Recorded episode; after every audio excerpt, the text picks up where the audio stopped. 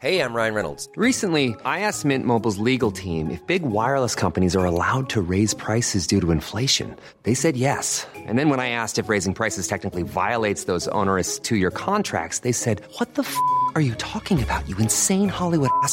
F- So to recap, we're cutting the price of Mint Unlimited from $30 a month to just $15 a month. Give it a try at mintmobile.com slash switch. $45 upfront for three months plus taxes and fees. Promo rate for new customers for limited time. Unlimited more than 40 gigabytes per month. Slows. Full terms at mintmobile.com.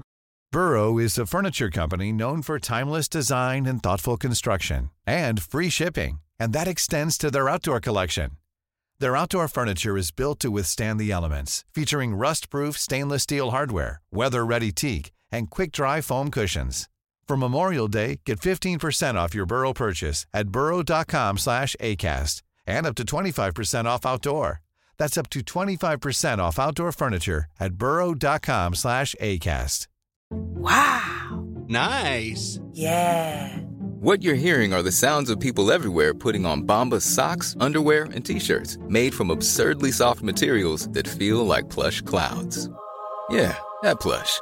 And the best part? For every item you purchase, Bombas donates another to someone facing homelessness. Bombas. Big comfort for everyone. Go to bombas.com slash ACAST and use code ACAST for 20% off your first purchase. That's bombas.com slash ACAST. Code ACAST.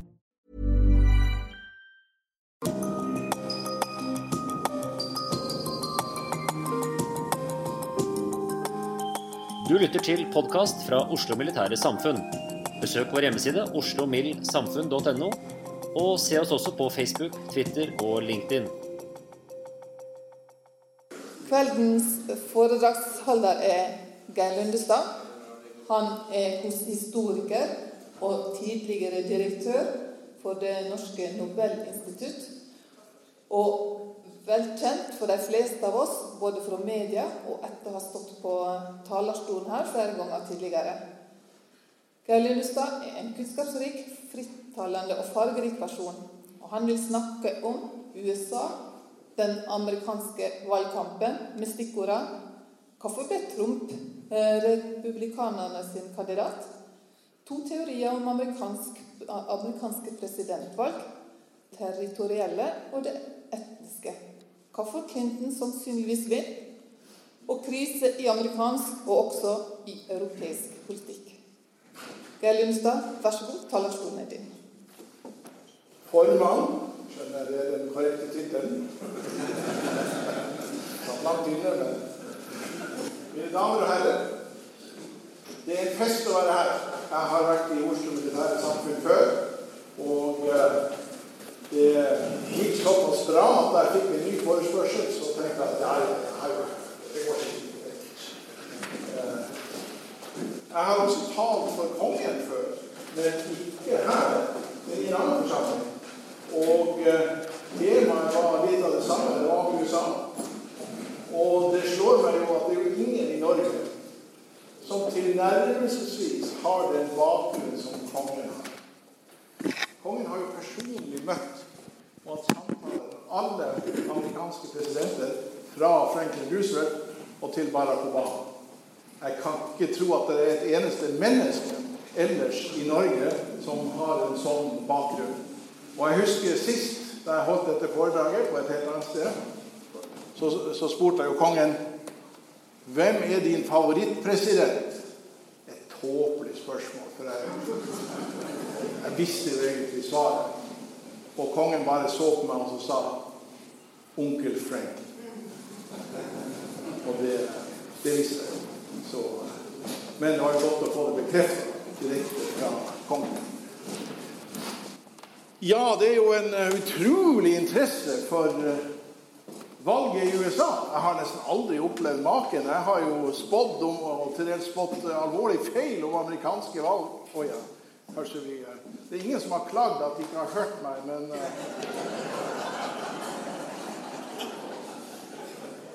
Det er vel tross alt best å aktivisere.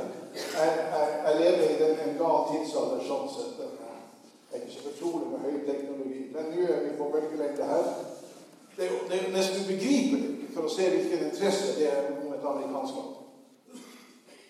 Og det er jo delvis fordi at USA er et viktig land. Det er jo delvis fordi at media er jo i veldig stor grad amerikansk dominert. Eh, og så er det jo nå også, da, fordi at vi har jo eh, i hvert fall én egen spesiell kandidat som vi eh, sliter med å forstå hvordan det er mulig. Nå er det ikke så veldig mange som pleier å bli grepet av mine foredrag, men jeg pleier å bli veldig grepet av dem sjøl.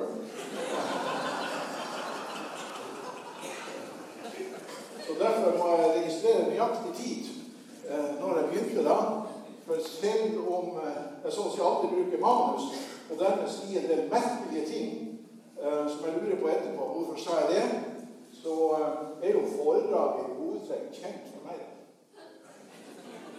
Jeg kan skjule meg bak Churchill uten sammenligning for øvrig. Skal du holde et improvisert foredrag, så må du være veldig godt forberedt. Men det er jo spørsmålene eh, som er det mest interessante for meg, så jeg håper vi får noen eh, interessante spørsmål eh, etterpå. Ja, det første problemet jeg ønsker å ta opp med dere, det er jo fenomenet Donald Trump. Da han stilte opp for å bli amerikansk president Det var jo 17 kandidater i alt. Og det var vel ikke en eneste en, jeg kan ikke huske noen, som har navn som var verdt å huske, som eh, sa at Donald Trump kom til å bli republikanernes kandidat. Eh, jeg holdt muligheten åpen, men jeg anså det ikke som så veldig sannsynlig. Så det første vi må kunne gi en forklaring på, er hvordan gikk det til at Donald Trump omurkonkurrerte de andre 60? For det er virkelig godt gjort. Det var jo ikke noen tilfeldige navn der. Det var senatorer, det var guvernører, og det var jo veldig mange der i det republikanske parti som mente at de hadde store muligheter til å kunne bli USAs neste president. Så det var mange som ville stille opp. Men vi vet hvordan det gikk. Vi vet at Donald Trump utkonkurrerte dem alle. Det ble jo en klar seier til ham. Og hva er forklaringa på det? Ja, Vi må bruke bare litt ord på hans bakgrunn. Vel, Han var jo blitt en rik mann. Ingen er helt sikker på nøyaktig hvor rik han er. Og det har variert veldig anslag over hans rikdom. Men han var en rik mann. Og Han hadde vært programleder da, siden 2004 for et program på amerikansk TV som heter The Apprentice. Og dette programmet var særlig i de første år veldig populært. Og det gikk jo helt fram til han begynte med valgkampen. Så dette gikk i over ti år, og det er ganske godt gjort. da. Og det, alt var basert på Donald Trump. Fordi at premien det er et realityshow. Det ble jo stemt ut. Eller You are fired som det jo heter i Donalds versjon. Premien det var jo da at du fikk jobbe ett år i hans firma. Og dette programmet kjente de aller fleste amerikanere til. Så han hadde en name recognition som var veldig høy. Og det er et uh, veldig viktig uh, utgangspunkt. Han, hadde, han var mer kjent enn de aller fleste av de politikere han stilte opp mot. For politikere de, på, på, det nivået uh, som de da var guvernører og senatorer, de oppnår jo ikke en, en sånn eh, posisjon eh, som en som er på TV da, så mye som Dan. Nå var jo Ricky Donald sin start var jo ikke den beste. Han hadde jo prøvd å bli president før. Han hadde lagt der og snoka og trut i vannskorpa og leita etter den beste muligheten. Og i år 2000 da annonserte han jo at han skulle stille opp som presidentkandidat. Riktignok for Reformpartiet. Det var restene av det partiet som Ross Perot hadde representert, og som jo hadde gjort et godt valg i 1992 og fått 19% av stemmene. Og dermed massevis av penger til Reformpartiets kandidat for å drive valgkamp, også så sent da eh, som i 2000. Så det var flere som var ute etter denne pengesummen for å kunne drive valgkamp, deriblant Donald. Men det gikk ikke så bra. Vi ser jo hans programposter var også uortodoks. når vi vet hva han har stått for senere. Han gikk inn for høyere beskatning av de rike. Han gikk inn for en uh, offentlig uh, helsereform.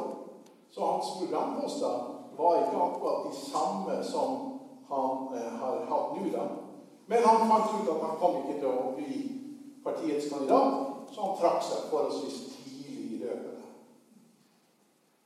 Så ble han jo kjent i amerikansk politikk fordi at han var den fremste talsmann for denne påstanden at Obama ikke hadde rett til å være amerikansk president. Han var ikke amerikansk statsråd. Han var ikke født i USA. Han var født i Kenya. Og dette holdt jo Donald på med i flere år. Om igjen, om igjen og om igjen. Dette var hans store spørsmål. Da må vi føye til at det var en 20-30 av den amerikanske befolkning, særlig på høyrefløyen, som trodde det samme. Ikke bare trodde de at han ikke hadde rett til å være president, men mange mente at han også var muslim. Og det er faktisk ganske mange på høyresida som fremdeles tror det. Men Obama har jo frem sin fødselsattest fra Honolulu, og dermed så ble jo den banda stort sett lagt død. Men dette var jo ikke noe godt utgangspunkt, ville man tro. At den store saken du har drevet, den viste seg å være helt Så vil mange si at da han holdt sin introduksjonstale i juni 2015 og lanserte seg som presidentkandidat, så var det jo ganske ekstreme standpunkter han representerte. Han talte jo om den berømte muren. Det skulle bygges en mur på grensa mellom Mexico og USA, og Mexico skulle få lov å betale for dette. Og alle de 11 millioner cirka som var kommet til USA på ulovlig vis, de skulle sendes ut. Allerede der var det mange som sa at dette er jo håpløst ekstremt. Og er dette et smart utgangspunkt? Men det var jo fordi at man blanda sammen sine egne synspunkter med det som den republikanske høyresida følte. For det viste seg at det som angivelig skulle være ekstreme standpunkter, som du ikke hadde noen muligheter til å vinne frem med, de representerte et flertall blant republikanere. Meningsmålingene som ble tatt opp Jeg tror ikke noen hadde gjort så veldig mange meningsmålinger før han annonserte. Men etter hvert så var det jo mange som undersøkte dette. Og det viste seg faktisk at begge disse to tingene, muren og ut med de 11 millioner, var majoritetsstandpunkt blant republikanerne. Og det er klart Når han da fikk markert seg på en så kraftfull måte, og han hadde oppslutning fra et republikansk flertall med krystallklare standpunkter, så ble det jo veldig vanskelig for de andre å få markere seg. Han dominerte jo fullstendig. Og han var jo flink. Han var vant med media. Han var til stadighet på TV. Og i tillegg til TV så var det jo Twitter. Dette var hans to måter. Og han dominerte jo nyhetssyklusen fullstendig. Ble intervjua til stadighet. Og eh, så eh, kommuniserte han da via Twitter. Det er klart I den lange perioden da det var en republikansk kamp, så klagde han jo aldri på media. Han skrøt jo mange ganger på, av de millioner på millioner kroners verdi han hadde av en fullstendig gratis valgkamp. Han trengte ikke å bryte noe særlig penger, for han var jo på TV hele tida, og var på Twitter. Og de andre, ja, de hadde veldig lite å by Så er det jo det å si, før vi forlater Donald, at han har jo ikke hatt det lett i valgkampen. Fordi at, hvis vi skal si det litt enkelt, og sånn er det jo ofte i amerikansk politikk og i politikk generelt, at de standpunktene som du inntar i fase 1 for å bli partiets valgkandidat, de er ikke nødvendigvis de standpunktene du har når du kommer til selve hovedkampen. Og her lå det jo et helt åpenbart problem for dommeren. Han hadde jo hatt så markerte standpunkter at det var ingen som var i tvil om hva han mente og hva han hadde sagt. Men dette var jo ikke standpunkter som var majoritetsstandpunkt i den store amerikanske befolkninga. Så her hadde han et problem. De fleste løser det problemet med at de springer fra høyrefløyen og inn mot sentrum. Men denne veien var ikke helt åpen for dommeren, fordi han hadde jo til de grader proklamert disse standpunktene med basun. Og det var ikke så lett å forlate dem. Men man ser jo innimellom så, så flørta han med tanken om å bli presidential. Som jo egentlig betydde å få mer moderate, vanlige standpunkter. Men han klarte det jo aldri. Og han eh, avsatte jo sine nærmeste medarbeidere. Så han er jo nå i tredje kull av stabssjefer. Det er klart de tidligere stabssjefer ja, de hadde ikke det beste rulleblad, særlig en av dem. Eh, men eh, de gikk jo inn for at du, du må søke inn mot sentrum. Du må holde deg til manus. Men Donald, han ville være Donald, og det har han jo vært da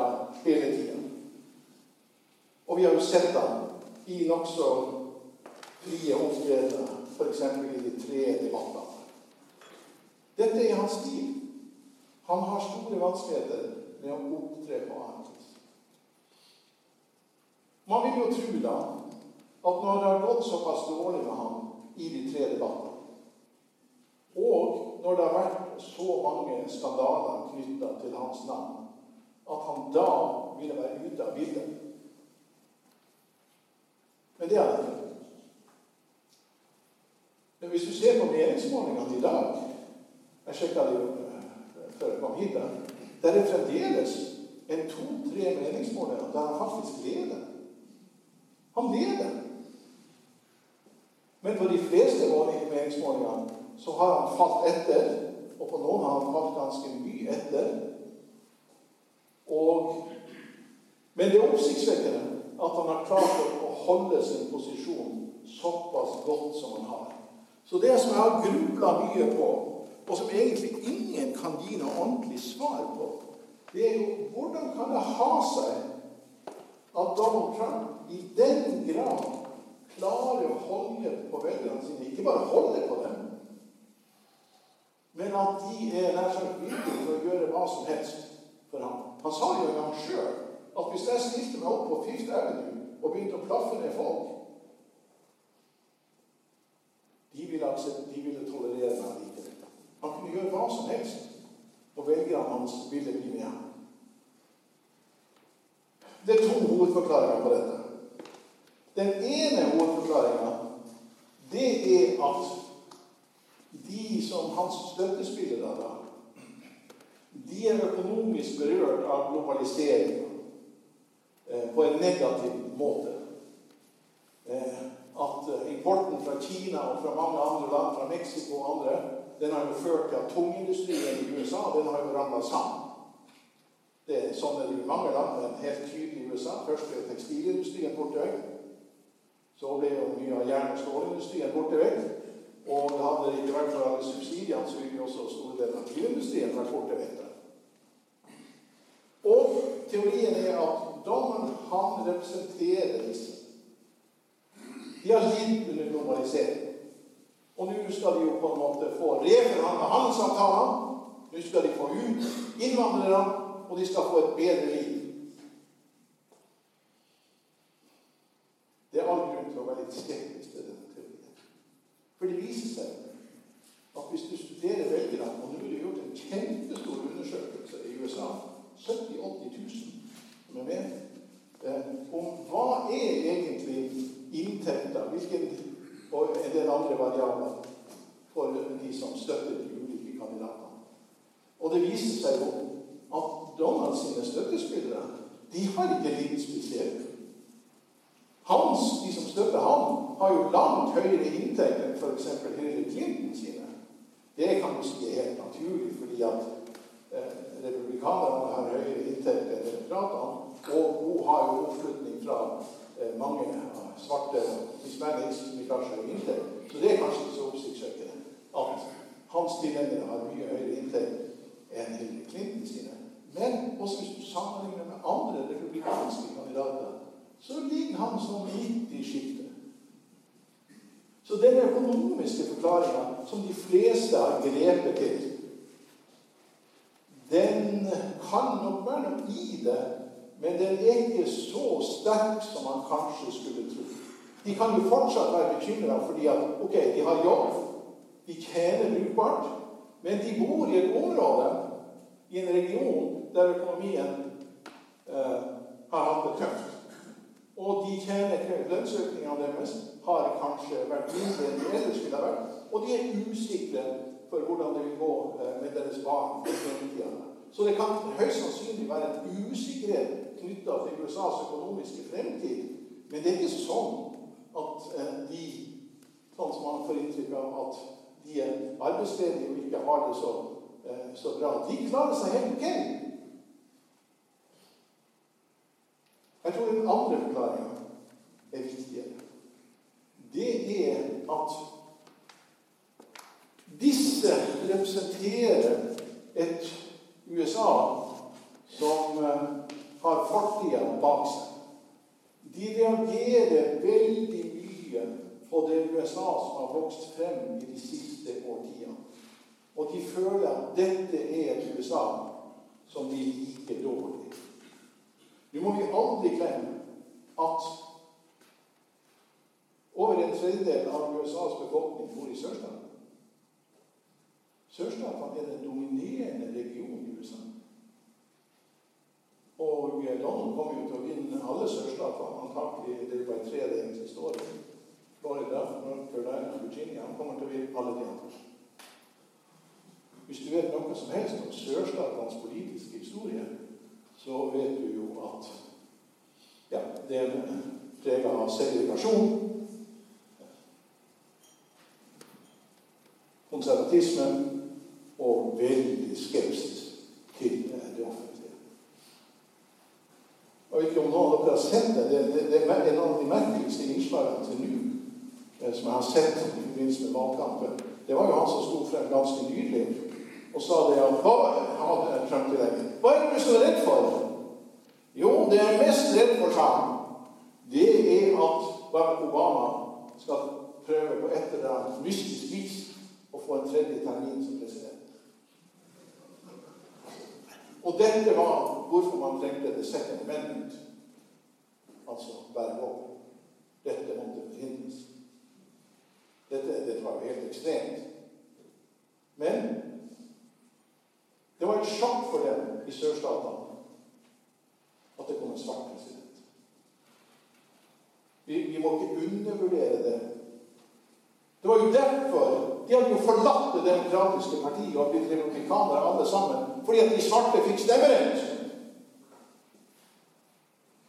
Johnson skjønte jo alt dette. Han sa at når jeg nå innfører stemmerett for de svarte, så kommer de hvite i sørstatene til å bli republikanere, alle sammen. Og det var jo helt rett, men han gjorde det likevel. Så å få en svart president, det var mye vanskeligere enn vi liksom helt skjønner ut fra vårt perspektiv. Og så noe som antagelig er ja, muligens enda verre. Nå kommer det jo Jeg håper å si noe slikt. Nå kommer det jo muligens en kvinne, da. Og det er kanskje for mange et enda større sjokk. Fordi at det berører jo deres egen posisjon de har jo eh, de har, de har koner og døtre og litt av hvert. Og de har et veldig tradisjonelt kjønnsrollemønster, særlig i sørstatene, men ikke bare i sørstatene. Så dette er store sjokk. Og det USA som de likte så godt Nå er det jo kommet masse innvandrere. Men det viser seg pussig nok at det er ingen sammenheng mellom mange innvandrere i et strøk og tilhengere av Donald Trump. Det er nesten omvendt. Jo færre, færre innvandrere du har i ditt strøk, jo flere stemmer, stemmer, stemmer på Donald Trump. Har du mange innvandrere, så blir du vel kanskje kjent med noen av dem. og du får et litt annet perspektiv. Så det er et overraskende funn. Så har jo det fulle rettigheter for homoseksuelle og lesbiske. og De kommer til å inn i Forsvaret, og de skal ha alle rettigheter. Mens det ikke skal være i skolen. Så dette tradisjonelle Amerika som de springer ut av, det er passert, det borte vekk. Og de skjønner jo at eh, det kommer antagelig ikke tilbake. Burrow's furniture is built for the way you live. From ensuring easy assembly and disassembly to honoring highly requested new colors for their award-winning seating, they always have their customers in mind. Their modular seating is made out of durable materials to last and grow with you. And with Burrow, you always get fast, free shipping. Get up to 60% off during Burrow's Memorial Day sale at burrow.com slash ACAST. That's burrow.com slash ACAST. burrow.com slash ACAST. I'm Sandra, and I'm just the professional your small business was looking for. But you didn't hire me because you didn't use LinkedIn jobs. LinkedIn has professionals you can't find anywhere else, including those who aren't actively looking for a new job but might be open to the perfect role, like me. In a given month, over 70% of LinkedIn users don't visit other leading job sites. So if you're not looking on LinkedIn, you'll miss out on great candidates like Sandra. Start hiring professionals like a professional. Post your free job on linkedin.com/people slash people today.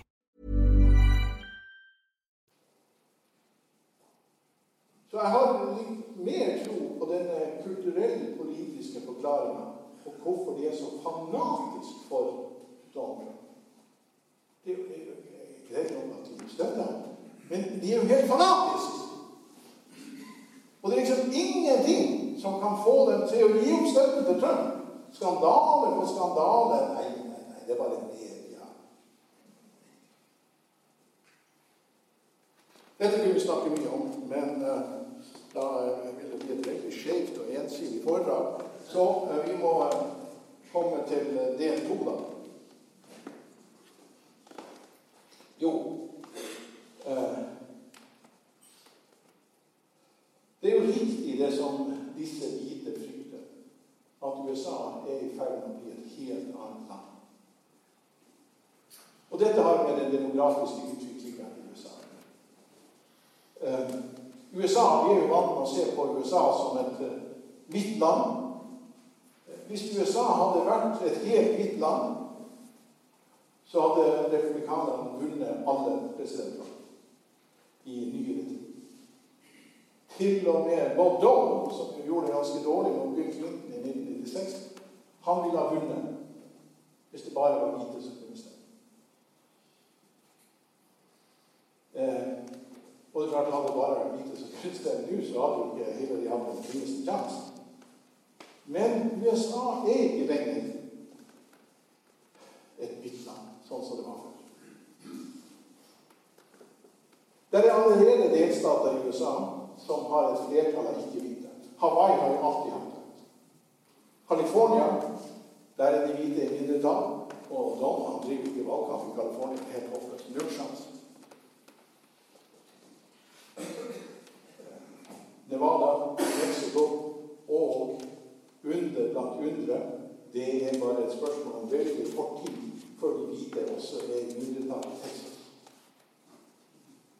Det har kanskje allerede skjedd. Men grunnen til at Og Hillary hun gjør det overraskende bra i Texas. Men jeg kan ikke forestille meg at hun har noen sjanse til å vinne. Fordi at de latinamerikanske, selv om de er en raskt økende del av befolkninga, også i Texas, så er det mange av dem som ikke møter opp for å stemme. Dels har de ikke for de er ikke borgere. Dels er de redd for å møte opp, at det skal føre til at de blir sjekka på alle bøer og kanter, at de kanskje ender opp med å bli sendt ut. Dels, det skal vi heller ikke underslå, så har det blitt vedtatt en haug av lover, alle republikansk inspirert, rundt om i mange av delstatene i USA, som simpelthen gjør det vanskelig for folk å utøve stemmerettelse.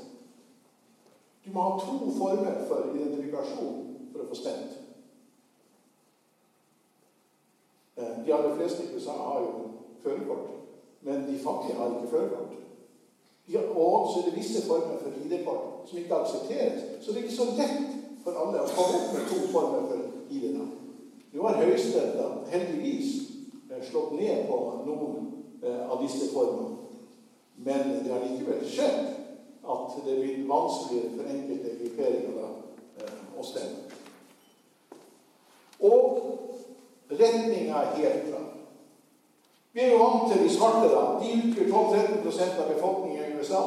Når vi kommer fram til 2040 eller 2040, så vil de utgjøre kanskje 16-17% Så de øker ikke så veldig mye. Hispanics de utgjør i dag 16-17 men de vil omkring 2040 være over 30 Og så har vi asiatene, som i dag utgjør 4-5 og som eh, vil utgjøre en 8-9 når vi kommer til 2000. Det er jo derfor det republikanske establishment er så forbanna på Donald Trump. Fordi at de tapte i 2008 McCain, de tapte i 2012 Mitt Romney. De satte ned all verdens komiteer som skulle analysere hvordan kan det republikanske partiet bli et flertallsparti. Og analysen var veldig grei. Vi må få et helt annet forhold til kvinner og minoriteter. Og hva gjør han? Jeg satser alt på de hvite, og særlig sinte, middelaldrende menn uten veldig mye utdannelse. Skjønt, man skal være litt forsiktig med å kjøre det for hardt, fordi selvfølgelig er det folk med høy utdannelse også støtter han, selv om han skårer forholdsvis dårlig. Og han har også en del nede i Så dette er på en måte et siste hurra for den gamle, tradisjonelle republikanske tankegangen, som ikke forteller noe for fremtida. Om man skulle klare å vinne, så er det jo bemerkelsesverdig at det ennå går an å vinne et valg der 90% av de svarte kommer til å stemme mot deg, kanskje 80 av hispanics kommer til å stemme mot deg, og 60-70 av asiatene kommer til å stemme mot deg. Ok, Går det an nå, så er det i hvert fall siste gang det går an. Og det er jo derfor det republikanske establishment er kommet imot. Og skulle han tape, så ville de dagen etter tapet gjøre alt for å gjøre Donald Trump til en parentes i amerikansk politikk. Det er ingenting å lære av denne mannen.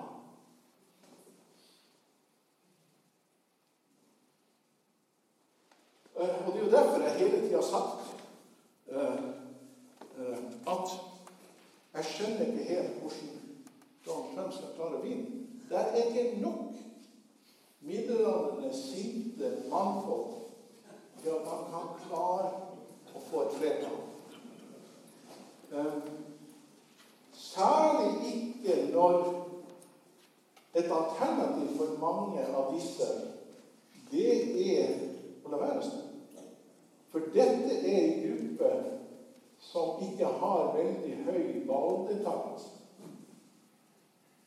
Og nå viser det seg også på meningsmålingene at han klarer ikke Donald Trump klarer ikke å mobilisere en spesielt høy andel av denne velgergruppa. Han sliter med å få flere enn det Romney hadde. Dette er jo en republikansk gruppe, da, men du må ha veldig mange. Du må få de til å møte opp som ikke møter opp, så er det slett, for at det skulle være noen sjanse. Men det ser ut som om valgdeltakelsen i denne gruppa blir høy nok. Hadde han klart å maksimere valgdeltakelsen, så hadde han faktisk hatt en sjanse. Jeg trodde ikke det. Men hvis du finregner på liksom befolkningstallene, så ser du at det er faktisk en reserve i denne gruppa. Men de blir antagelig sittende hjemme. Og dermed så er han eh, antagelig dømt til å tape. Fordi at det er ikke nok. De er ikke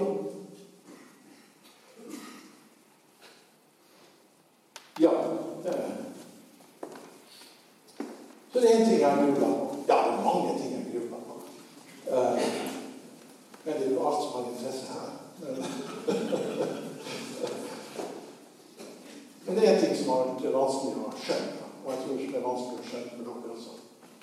Det er Hvorfor er det et sånt ubendig hat mot Hillary Clinton?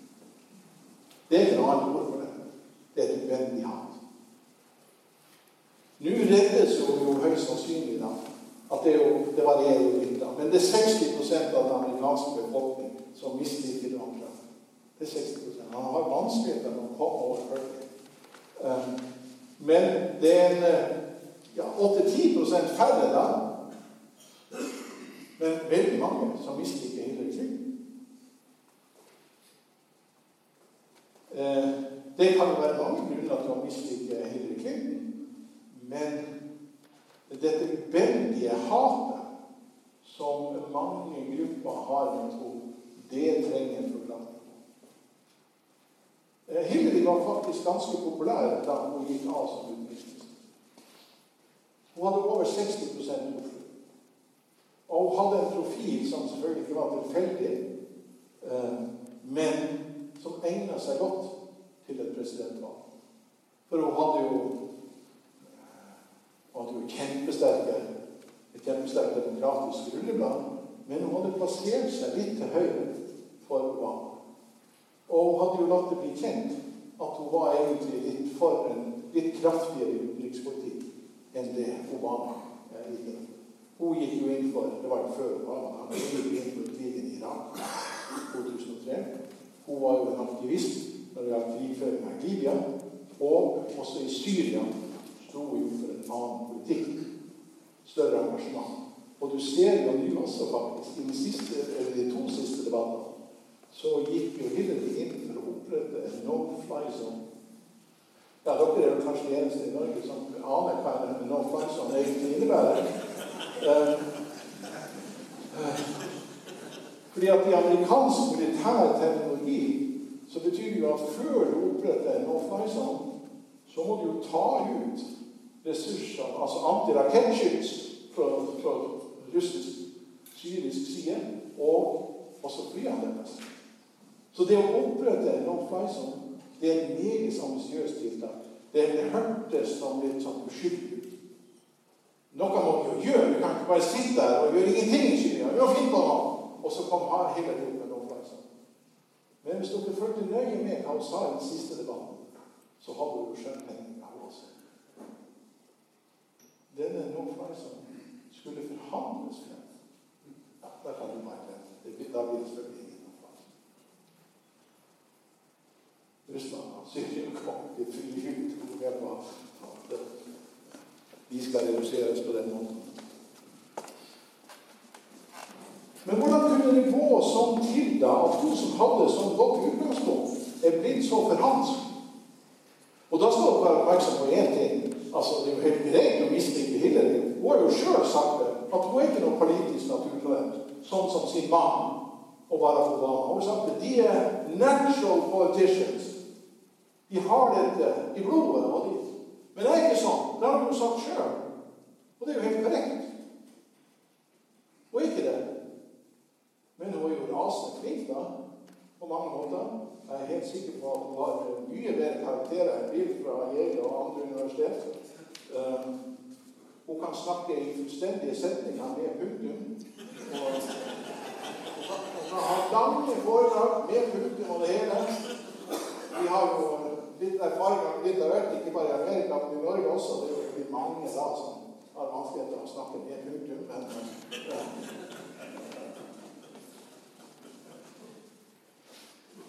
På bestselgerlistene i USA har det i det siste vært to bøker mot hele tiden.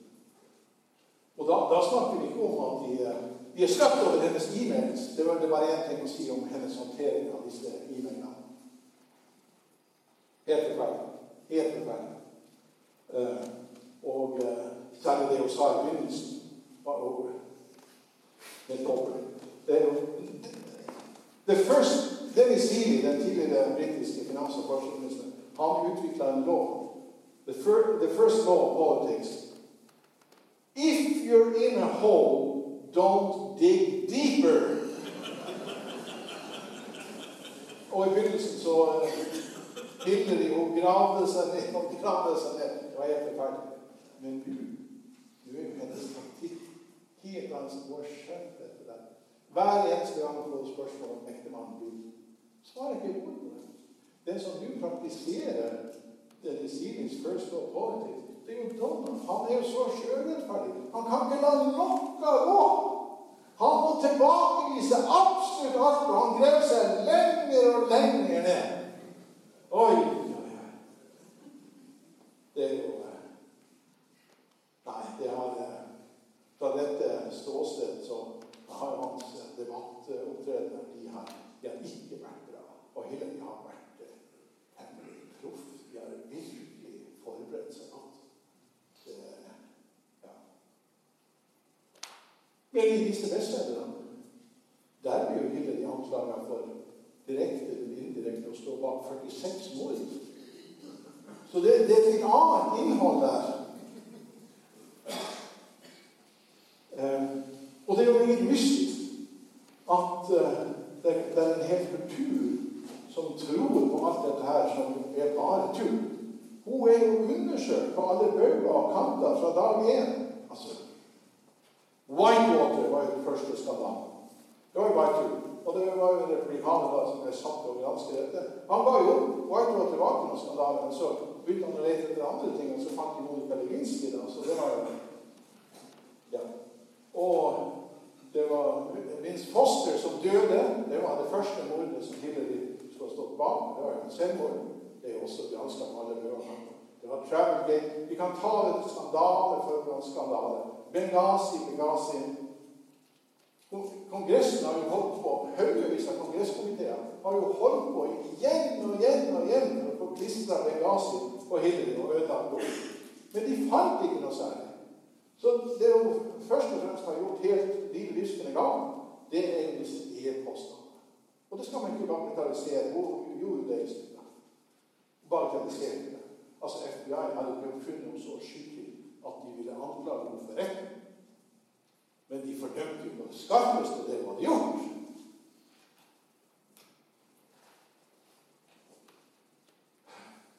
Jeg tror det er to hovedforklaringer på at det er et sånt uvennlig hand mot kvinner.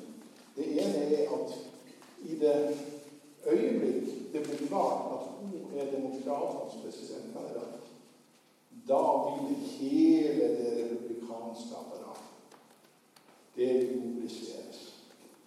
Og de vil fokusere på det som de anser som det svakeste punktet. Himmelen. Og det er jo det rådet han hele tida har fått. Du må slutte å snakke om deg sjøl hele tida! Dropp det! Du må komme på offensiven eh, når det gjelder. Og med de stemningene som er, særlig i sørstatene, så er det jo klart at da er det kommet opp veldig sterke følelser. Men så skjer jo det andre, som jo også var veldig viktig i denne sammenhengen. Hun fikk jo en veldig seriøs, demokratisk motkandidat. Bernie Sanders. Og disse, denne, disse radikalene på venstresida i Det demokratiske parti De var jo så på venstresida at Bernie han var jo først blitt medlem av partiet ett år før han stilte opp som presidentkandidat. Det er klart at De investerte enormt mye i kampen mot Hillary. Og de fløy på en måte sammen med høyresida i et slags felles eh, gjensidig hand eh, av Hillary. Og hun var særlig den første tida ikke noe særlig flink til å håndtere dette. Det var jo sånn si Å, Hillary, kan du få bare bitte lite grann humor inn? Bare bitte lite grann. De som kjenner henne hvis du leser i Bob Gates sine memoarer, f.eks. De har satte det spesielt pris på med Hillary. Det var at hun hadde sånn sans for humor. Så hun ble på en måte nesten knust dette her. Ok, nå har jeg akkurat tid til mitt siste poeng. Og det er jo det at vi tror jo alle, og ikke minst tror jo amerikanerne Amerika er jo grunnlagt på den troen at USA er så veldig spesielt. Ikke sant? Og vi tror på en måte at da ser på valgkampen i USA, så sier, vi Oi, nå er Donald der. Nå er det med masse rare stemninger. Og så, tenker jeg, så løfter vi på og så sier vi Oi. Sånn i USA. Vel, hvis Tilde vinner, så er det jo ikke bare sånn. Men det jo helt feil analyse. For det jo bare å heve blikket bitte lite grann, så ser du jo at problemene er jo akkurat de samme i Europa. Storbritannia brexit. Ikke sant? Ut av EU. Nigel Farage han er jo en stor helt. Han er jo Donald Trumps ideal. Ikke sant? Står på den fulle og ubesudlede suverenitet. Han syns jo dette er aldeles flott. Og det var en overraskelse. Brexit var en stor overraskelse. Vår analyse av Storbritannia var feil. Det ble flertall mot. Og nå skal de ha presidentvalg i Frankrike til neste år.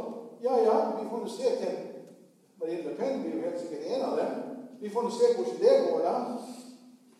Vi ser hvordan politikken har utviklet seg i Spania, i Italia, i Hellas, i Polen, i Ungarn.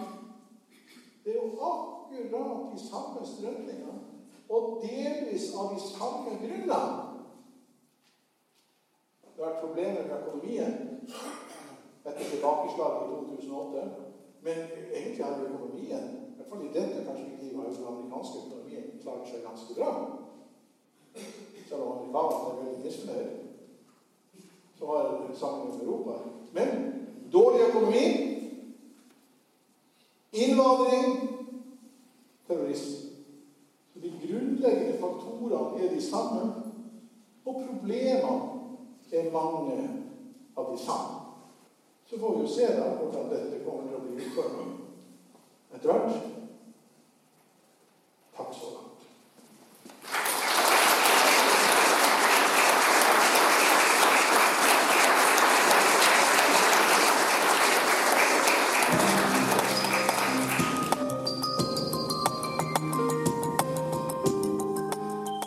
Du har hørt podkast fra Oslo Militære Samfunn. Besøk vår hjemmeside oslomildsamfunn.no, og besøk oss gjerne på sosiale medier som Facebook, Twitter og LinkedIn.